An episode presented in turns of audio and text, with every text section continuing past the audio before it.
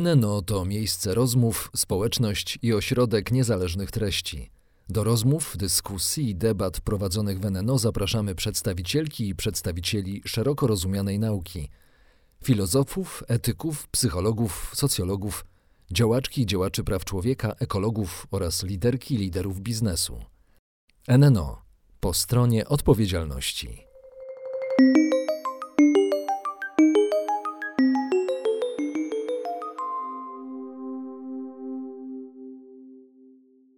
COVID, energetyka, klimat, wojna w Ukrainie. W zasadzie nie ma dzisiaj tematu, który nie byłby obciążony w jakimś stopniu dezinformacją. Jest jednak spora grupa ludzi w Polsce, która zajmuje się weryfikacją tego, co jest prawdą, a co jest fejkiem, czyli nieprawdą. I dzisiaj mam przyjemność porozmawiać z dwojgiem z nich. Z prezeską Stowarzyszenia Demagog Małgorzatą Kilian. Dzień dobry. I z Marcelem Kiełtyką, członkiem zarządu Stowarzyszenia Demagog. Dzień dobry. Ja nazywam się Ewa Dunem i chciałabym dzisiaj, żebyśmy zastanowili się, czy to jest walka z wiatrakami? Czy walka z fake newsami to jest walka z wiatrakami? I to jest y, dobre pytanie na początek, dlatego że Demagog powstał 7 lat temu, a fake newsów cały czas przybywa.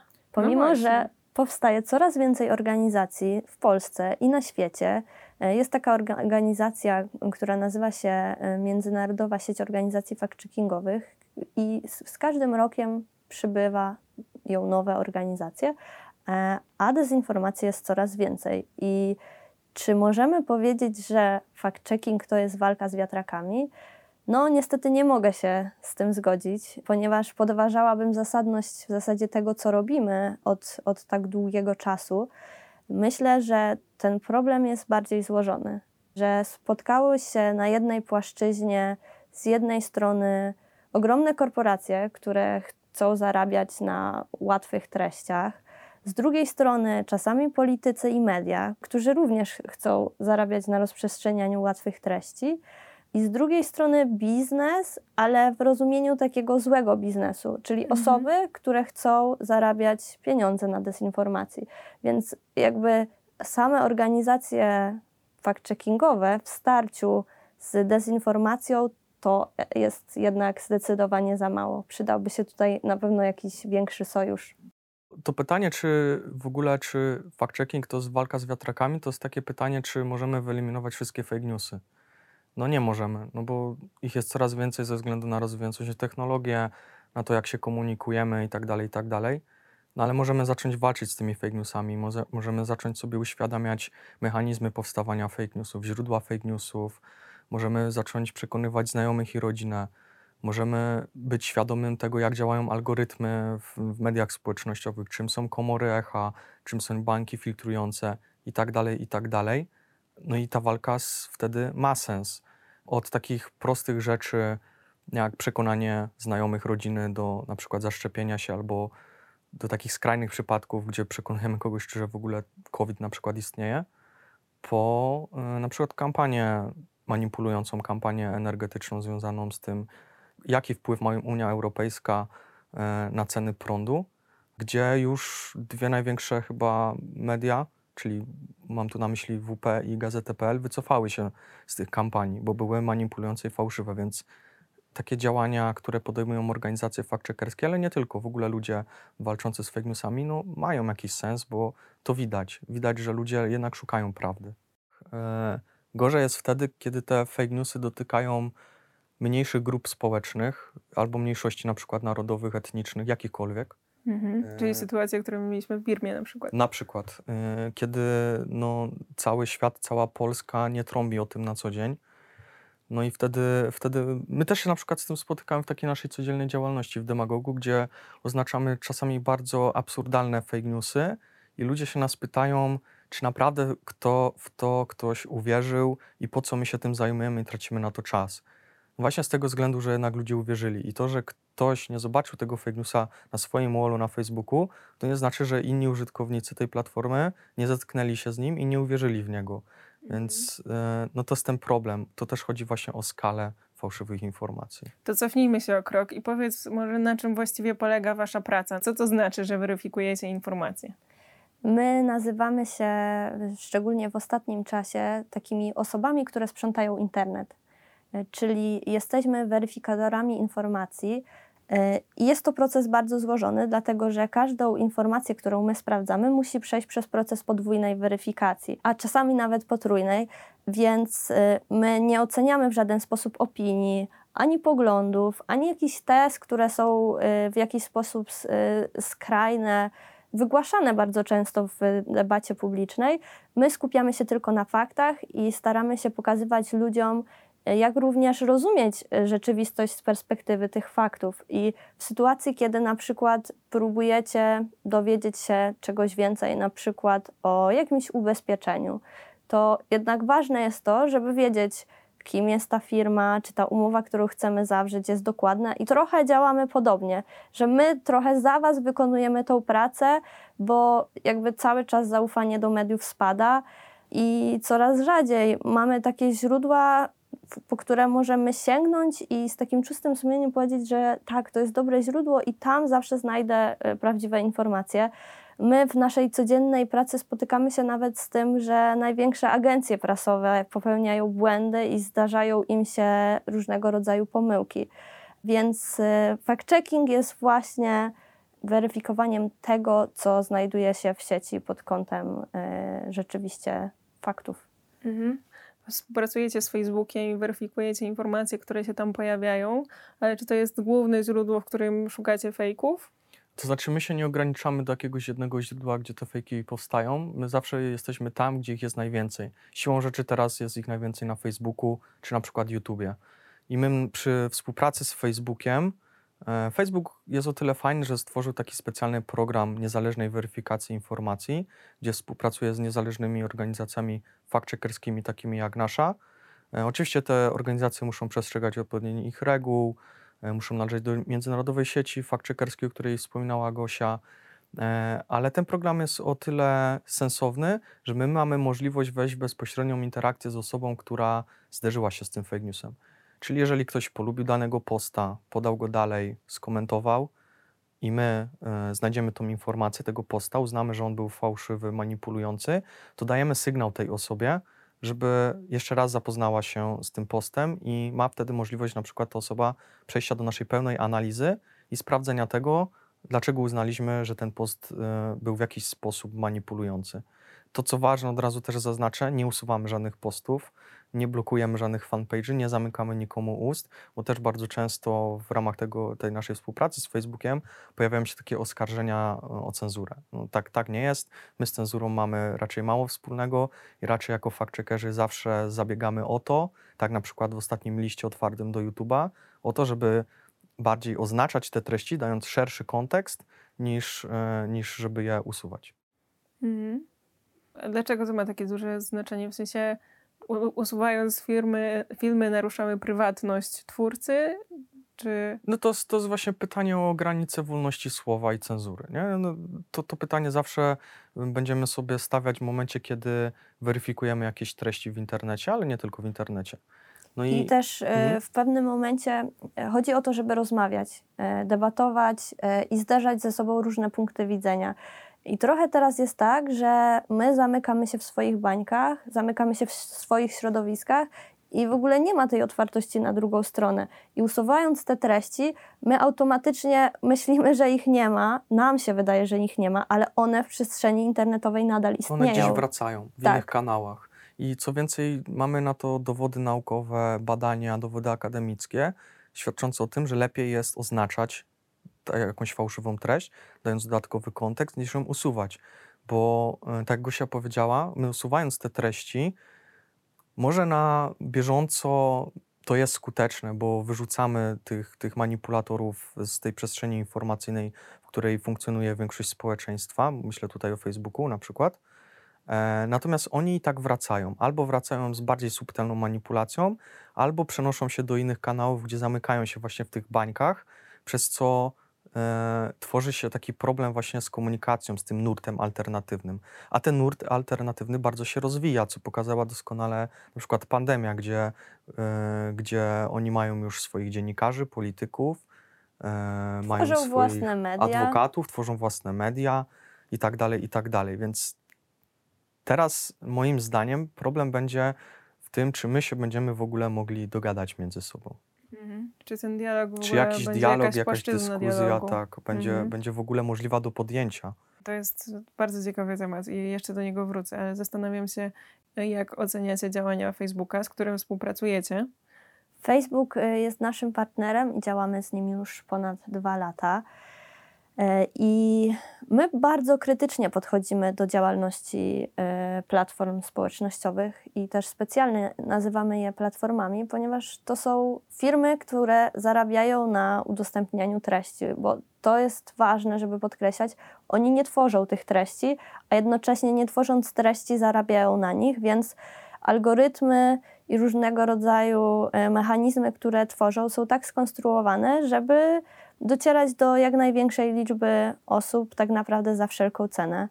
E, I dopóki w jakiś sposób my nie będziemy wiedzieli, w jaki sposób są tworzone te algorytmy, w jaki sposób e, Facebook promuje, e, tu w ogóle nie chodzi tak naprawdę w tej dyskusji o Facebooka, tylko o wszystkie platformy, w jaki sposób e, wybierają treści, które promują, m, w jaki sposób usuwają konta, walczą z botami i różnego rodzaju tymi treściami, bo jakby fałszywe informacje to nie są tylko treści, to jest też wideo, ale to, to są też setki tysięcy, milionów komentarzy, które też mają takie przesłanki fałszywych treści.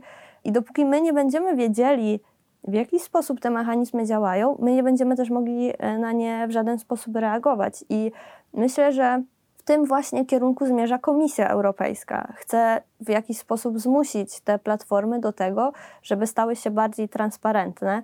I oczywiście duża rola tutaj e, oczywiście jest w fact-checkingu, czyli w naszej takiej codziennej pracy, żeby gdzieś tam uczestniczyć w tej dyskusji, wspierać te platformy w takim bieżącym reagowaniu, ale generalnie, jeśli nie powstanie jakiś duży pakt wszystkich e, grup interesu, czy to biznesu, czy polityki, bez polityki też się to nie uda zrobić i bez e, odpowiedniego prawa, za którym tak naprawdę nie nadążamy, no to zawsze będziemy mówić, że ta walka z dezinformacją to jest walka z wiatrakami.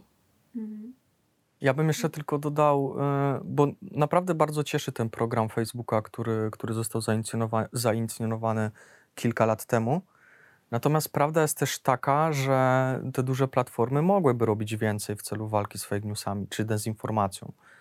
To też dużo zależy od regulatorów, bo tak jak Gosia wspomniała, gdzieś powstaje przy Komisji Europejskiej Digital Service Act czy inne rozporządzenia i ustawy, które mają w końcu wziąć się za, tych, za te big techy i pokazać im, co mogą, a czego nie mogą, bo to też jest problem. Facebook sam nie wie, co może robić, a czego nie może, więc ktoś mu musi to powiedzieć. To jest jedna rzecz. Druga rzecz związana właśnie z transparentnością, czyli to, że my do dzisiaj nie wiemy, tak troszeczkę powtarzając po Gosi, do dzisiaj nie wiemy, jak dokładnie funkcjonują algorytmy Facebooka, e, a zaraz będzie TikTok, o którym kompletnie nic nie wiemy. Tam to przynajmniej w Facebooku troszeczkę wiemy, jak te Chociaż algorytmy działają. Tak, Przy znaczy myślę, że ten nic. TikTok już jest problemem. Staje się tak. Tak, już staje się problemem, ale problemem też są podcasty. Sytuacja z Joe Roganem Mm. też nam to pokazuje. I jakby mam wrażenie, że platformy się w ogóle nie uczą, że ten problem się pojawia i o, musimy zareagować. Akurat z, z TikTokiem tutaj to jest platforma, która bardzo mocno postawiła na bezpieczeństwo. Jakby oni byli świadomi według mnie tego, że bardzo dużo dzieci korzysta. Nawet jeśli podają fałszywe dane, żeby się zarejestrować na TikToka, to są świadomi, że dużo dzieci korzysta i że muszą postawić na bezpieczeństwo i rzeczywiście wdrożyli pewne tam mechanizmy odgórne, wyłapujące bardzo szybko te na przykład drastyczne treści, czy, czy treści, które, bo jakby fałszywe informacje to, to jedno, tutaj czasami jest trudno je wyłapać, ale jakieś takie e, właśnie treści związane z mową nienawiści, hejtem, jakieś obraźliwe, no to jednak temu algorytmowi on jest tak skonstruowany, że dość dobrze się udaje wyłapywać. Jest też kontrola rodzicielska, nie wiem czy o tym wiecie, że rodzice mogą kontrolować to, co dzieci robią na TikToki. My też możemy dbać o nasz dobrostan cyfrowy i na przykład ograniczać sobie dostęp do TikToka na 45 minut dziennie, żeby nie spędzać na przykład więcej czasu. Więc oni próbują, ale finalnie jak się to przełoży na rozprzestrzenianie się dezinformacji, jeszcze tego nie wiemy. Mhm. Właśnie mm, Jasne, zgadzam się co, to, co do tego, że TikTok rzeczywiście podchodzi trochę bardziej restrykcyjnie w kontekście y, treści, które są tam udostępniane. Natomiast mi chodzi tylko o transparentność, czyli to, że big techy nie do końca komunikują nam, albo w ogóle, tak jest moim zdaniem w przypadku TikToka, nie do końca komunikują, komunikują nam o tym, jak działają te algorytmy, czyli dlaczego taka, a nie inna treść akurat wyświetla się na moim wallu. Bo jeżeli by to robiły, jeżeli by prowadzili odpowiednie badania i jasno je e, komunikowali, to my moglibyśmy analizować, dlaczego takie, a nie inne na przykład fake newsy, czy, czy w ogóle dezinformacja, mówiąc ogólnie, e, rozprzestrzeniają się w ten, a nie I w inny dlaczego jest sposób. popularna. Dokładnie, Tak. dlaczego jest popularna i moglibyśmy wtedy zastanowić się, jak temu przeciwdziałać. E, a co do podcastów i Joe Rogana, no to rzeczywiście platformy nie zawsze wyciągają odpowiednie wnioski i wdrażają odpowiednie działania, tylko powinniśmy się zastanowić, takie pytanie sobie postawić, dlaczego.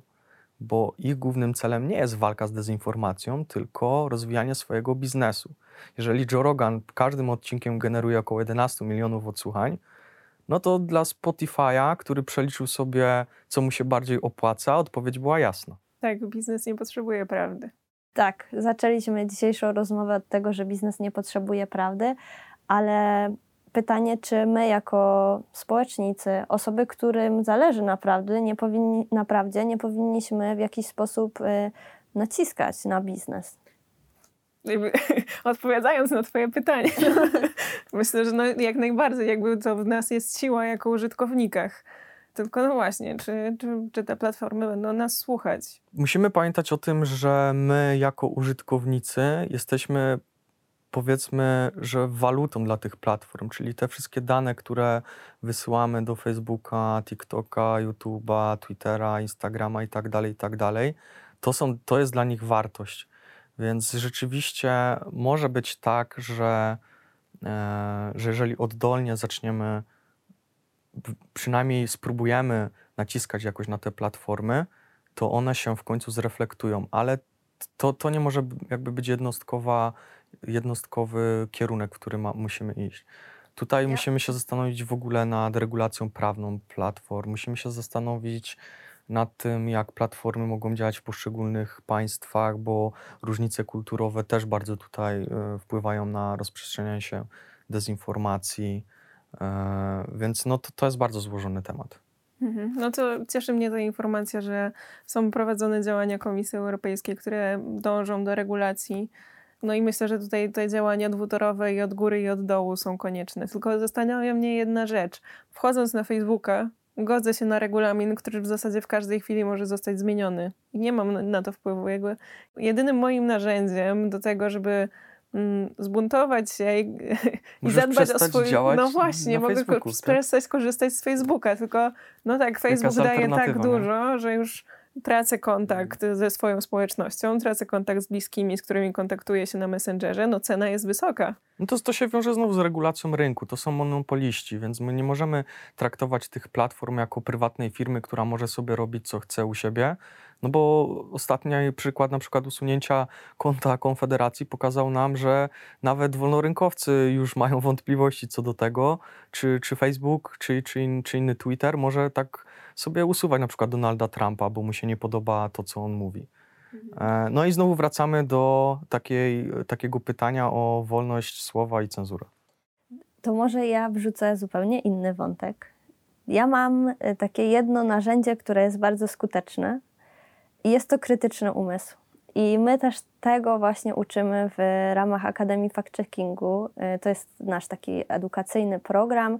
Uczymy dzieciaki, ale nie tylko, bo również docieramy do seniorów, y, spotykamy się z nauczycielami y, i pokazujemy im, w jaki sposób można radzić sobie z fałszywymi informacjami. Czyli jakby my schodzimy zupełnie na poziom niżej. My zdajemy sobie sprawę jako organizacja, która no działa już 7 lat, zdajemy sobie sprawę, że to jest tylko to, co my robimy, jest bardzo doraźne. My możemy reagować punktowo, ale jeśli będziemy mieli wyedukowaną młodzież, e, to finalnie osiągniemy coś e, dużo większego. I to, to jest naprawdę dla nas bardzo ważne działanie, dlatego że w szkołach, w szkole dzisiaj nikt nie uczy, e, w ogóle nie ma takiego przedmiotu jak edukacja medialna, nie ma przedmiotu dotyczącego bezpieczeństwa cyfrowego, bo razem, według mnie tutaj obok fake newsów, od razu powinniśmy mówić też o bezpieczeństwie cyfrowym, bo to jest bardzo, bardzo związane z, te tematy są związane e, ze sobą bezpośrednio. Dlatego tutaj wydaje mi się, że powinniśmy nie tylko naciskać na te platformy społecznościowe, ale też skupić się na tym, co może zrobić na przykład Ministerstwo Edukacji i w jaki sposób dopasować program do zmieniających się czasów, tak? Bo ja bardzo lubię o tym mówić, ale nie o to chodzi, żeby zabierać dzieciom telefony, tylko żeby nauczyć ich, jak z nich korzystać. Odpowiedzialnie korzystać. Mhm. No, na razie jesteście wpuszczani do szkół, więc tutaj jakby nic złego się nie szykuje, ale zastanawiam się, co to właściwie znaczy myślenie krytyczne. Jeżeli tych źródeł, do których mogę, możemy się odwołać, jest coraz mniej, jak, jak to myślenie krytyczne mogę kształtować? Jak je uruchomić w sobie? E, ja myślę, że oprócz tych systemowych działań, które są niezbędne, no nie ukrywajmy, bo bez regulacji rynku Facebook będzie robił co chciał, no to rzeczywiście warto jest uczyć i edukować społeczeństwo, co sami mogą zrobić. my myśmy na przykład ostatnio zakończyliśmy taką kampanię nie bądź botem.pl, gdzie tłumaczyliśmy, jak sami ludzie mogą reagować na dezinformacje w sieci. Właśnie jak uruchomić to krytyczne myślenie. A krytyczne myślenie to jest nic innego jak świadome korzystanie na przykład z internetu i mediów społecznościowych. Bo w momencie, kiedy my wiemy, na czym polegają konkretne błędy poznawcze, to czasami się zastanowimy, czy nie wpadamy właśnie w te błędy poznawcze i będziemy bardziej świadomi tego, e, jakie informacje do nas docierają, jak możemy je zweryfikować i powiem na swoim przykładzie, gdzie już kilka lat pracuję w organizacji fact-checkerskiej, ja już często od razu widzę tą informację, która na 90% jest fejkiem. Bo po prostu albo to, to są informacje, które się powielają, albo są tłumaczone z jakichś anglojęzycznych stron, które też sieją dezinformację, e, albo to są totalnie te same schematy przy fake newsach, tylko dotyczące innych, innych po prostu tematów. A możesz Więc tego się da przykład nauczyć. E, tego schematu fake newsa? Tak łopatologicznie, jakbyśmy mieli rozłożyć fake na części pierwsze. E, na przykład w ostatnim roku czy dwóch podczas pandemii w Polsce, nie mam na to danych, bo nie liczyliśmy też tego, ale duża część informacji dotyczących szczepień koronawirusa, e, COVID-a i tak dalej, była po prostu powielanych i przekopiowywanych z, a, z amerykańskiej sieci. Więc to już gdzieś powstało, już ktoś to sprawdził, zweryfikował i obalił tego fake newsa, ale to, nie, to jakby nie przeszkodziło temu fake newsowi przełożyć się na, na rynek polski, gdzie zyskał drugie życie i, i, i był powielany. Co więcej, zdarzało się tak, że w Polsce były powielane fake newsy, które już zostały zdebankowane, czyli zweryfikowane kilka lat wcześniej. I zataczałem mhm. po prostu znowu koło. Tak, ale właśnie jakbyś, może Gosia to dopełni. Mhm, właśnie chciałam. E, tak, jakby patrzysz na informację i po czym wiesz, że to jest fake? Ja zauważyłam e, taką tendencję, że pomimo tego, że znamy największe portale medialne, na przykład w Polsce, i są to ogromne grupy, które znamy i e, które są newsowe, to na przykład nie wzbudza naszego niepokoju to, że jakiś portal, którą nazwę widzimy pierwszy raz i często jest to nazwa złożona z dziwnej zbitki słów, na przykład odkrywamy coś zakrytego albo odkrywamy tajemnice świata i nie budzi w nas to jakiegoś takiego niepokoju, że to potencjalnie może być fałszywa informacja, tak? I, to, to jest pierwszy taki mechanizm, że pomimo, że teoretycznie znamy największe media, możemy sami sobie taką dietę medialną zastosować wybrać sobie, kogo my chcemy czytać, y, czy z jednej, z drugiej strony, to, to trochę nie, w jakiś sposób nie, nie korzystamy tego, y, z tego w rzeczywistości, kiedy idziemy już na media społecznościowe i skrolujemy. Więc y, na pewno powinniśmy zwracać uwagę na właśnie dziwne portale i dziwne adresy stron. I szczególnie teraz, kiedy tak naprawdę kryzys, kolejny kryzys, duży kryzys się y, zaczął. Będziemy mieć coraz więcej treści, które będą w jakiś sposób manipulowały, które będą uderzały w grupy społeczne, więc dobrym przykładem tutaj będą na przykład osoby z Ukrainy, które um, będą docierać do Polski, że na przykład na różnych platformach będą pojawiały się um, negatywne komentarze o tych grupach społecznych. Powinna nam się zapalić ta lampka, dlaczego akurat teraz nagle dociera do nas dużo historii przedstawiających naszych sąsiadów w jakiś taki niezbyt rzetelny sposób. I oczywiście to nie jest przypadek, to jest y, zwykła manipulacja i dezinformacja. Tutaj ten kontekst, kiedy wiemy, że dzieje się coś politycznie ważnego albo społecznie ważnego, powinniśmy być uczuleni, że ktoś może mieć w tym interes, żeby nami manipulować. I tu są te emocje też. Ja na to też zawsze zwracam uwagę, że jeśli coś antagonizuje albo w jakiś sposób zakrzywia rzeczywistość, albo hiperbolizuje rzeczywistość, no to odpowiedzmy sobie na pytanie, czy na pewno to jest prawda. W sensie tak w duchu sobie najczęściej, najlepiej sobie odpowiedzieć na pytanie, czy to jest e, prawdopodobne, bo my czasami się nad tym nie zastanawiamy, tylko coś budzi naszą takie Emocje. duże zainteresowanie mhm. i już chcemy kliknąć. I nawet w ogóle nie ma tego takiej sekundy pomyślenia, czy to może być rzeczywiście prawdziwe. Mhm. Tak, no to tutaj działają też bardzo skutecznie błędy poznawcze, e, o których moglibyśmy zrobić kolejny odcinek. Może zostawię to portalowi Demagog, więc tam zapraszam. Dezinformacje mają budzić nasze emocje i są upubliczniane w portalu, który bazuje na naszych emocjach, no bo Facebook, Instagram, TikTok, to wszystko ma pobudzać dopaminę, ma nam sprawiać przyjemność, jakoś nas pobudzać emocjonalnie. I one wszystkie mają w sobie odrobinę prawdy i to jest taki podstawowy argument, no ale przecież chociaż jedna informacja z tego jest prawdziwa, to dlaczego nie reszta? No tak, w ogóle najgorsze fake newsy to są te, które bazują na prawdzie, czyli gdzie mamy artykuł, w którym powiedzmy 90% narracji jest prawdziwa, no a to 10% jest totalnie zmyśloną na przykład informacją. I takie, takie rzeczy nam, nam jako fact-checkerom na przykład naj, najtrudniej weryfikować. E, do tego na przykład dochodzą filmiki na, na YouTubie, które mają po dwie godziny, które się oglądają. Naprawdę ludzie oglądają tak, tak długie filmiki i które bardzo często też manipulują, przemycają tą dezinformację właśnie pod płaszczykiem takiej rzetelnej informacji, gdzie autor zawsze mówi, że ja w opisie podaję wszystkie źródła, śmiało możecie sprawdzić co i jak. No zazwyczaj niestety ludzie tego nie sprawdzają, bo, bo potem się okazuje, że na, nie wiem, jedno czy dwa na dziesięć źródeł, które podał, jest totalnie wymyślone. Tak, pytanie, czy każdy, każda osoba w fartuchu to doktor. My się trochę z tym mierzymy, że mhm. mamy do czynienia, do czynienia z osobami, które mm, podszywają się pod, y, pod, y, pod lekarzy, pod osoby z wykształceniem utytułowane, które też tworzą swoje alternatywne pisma nau naukowe, tylko że to oni nazywają je naukowymi, ale tak naprawdę w gruncie rzeczy e, z punktu widzenia nauki w żaden sposób one naukowe nie są. Dlatego no, jest to duże wyzwanie dla nas na pewno. A jeszcze gorzej, jak są lekarzami, którzy na, na przykład utracili e, możliwość wykonywania zawodu. No to pytanie, czy na pewno powinni, y, czy mają prawo jeszcze do tego, żeby dzielić się swoją opinią na forum. No właśnie, znowu ja pytanie o wolność słowa, tak? Opinią myślę, że, że mogą się dzielić, nie mogą e, udzielać rad lekarskich. Natomiast to zawsze jest no, cienka granica pomiędzy udzielaniem e, porady lekarskiej, a po prostu wyrażaniem swojej opinii. I to też widać u osób szerzących, bo to mówimy oczywiście głównie podmiotach, które szerzą dezinformację w kontekście COVID-a ostatnio. E, no i to też bardzo często widać, jak oni subtelnie potrafią już prowadzić tę narrację.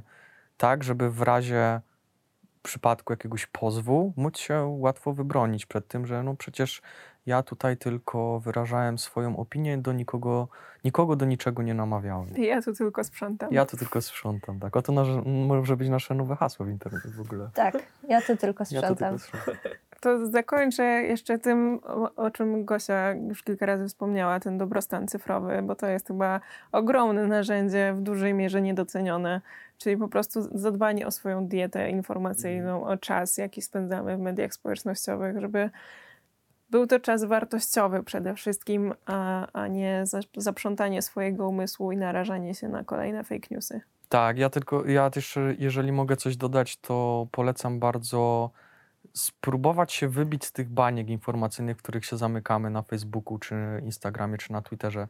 Czyli zacząć sobie budować profile, które lajkujemy, nie tylko pod kątem tego, co lubimy i co na co dzień czytamy, w szczególności jeśli chodzi na przykład o politykę, bo to nam pomoże troszeczkę zrozumieć drugą stronę, z którą może nie zawsze się zgadzamy. E, A ja na koniec e, podzielę się z Wami e, taką refleksją, że mm, coraz częściej spotykamy się z takim podejściem, że pewnych rzeczy nie da się zrobić, albo po co Wy to robicie, to jest przecież mikroskala, ale właśnie od tego się zaczyna. Im więcej osób przekonamy i też zachęcamy Was do tego, żebyście Wy walczyli z fałszywymi informacjami, tym lepszy efekt osiągniemy i miejmy nadzieję, że ten efekt będzie taki jak efekt kuli śniegowej docelowo, że to każdy z nas będzie potrafił e, w dyskusji, w rozmowie czy w mediach społecznościowych wskazać komuś, że nie, nie masz racji, tutaj masz źródło. Więc e, ja bardzo bym sobie tego życzyła, żeby, żebyśmy każdy byli świadomi. Był takim małym fact-checkerem po prostu w swoim świecie z najbliższymi znajomymi na przykład. Tak, i to też dotyczy biznesu, bo biznes też Mhm. jest narażony na fałszywe informacje i też powinien być przygotowany na to, jak sobie radzić e, z takimi mecha- mechanizmami. Bardzo Wam dziękuję za rozmowę. Była ze mną Małgorzata Kilian, prezeska Stowarzyszenia Demagog, Marcel Kiełtyka, członek zarządu Demagog. Dziękujemy bardzo dziękujemy. dziękujemy.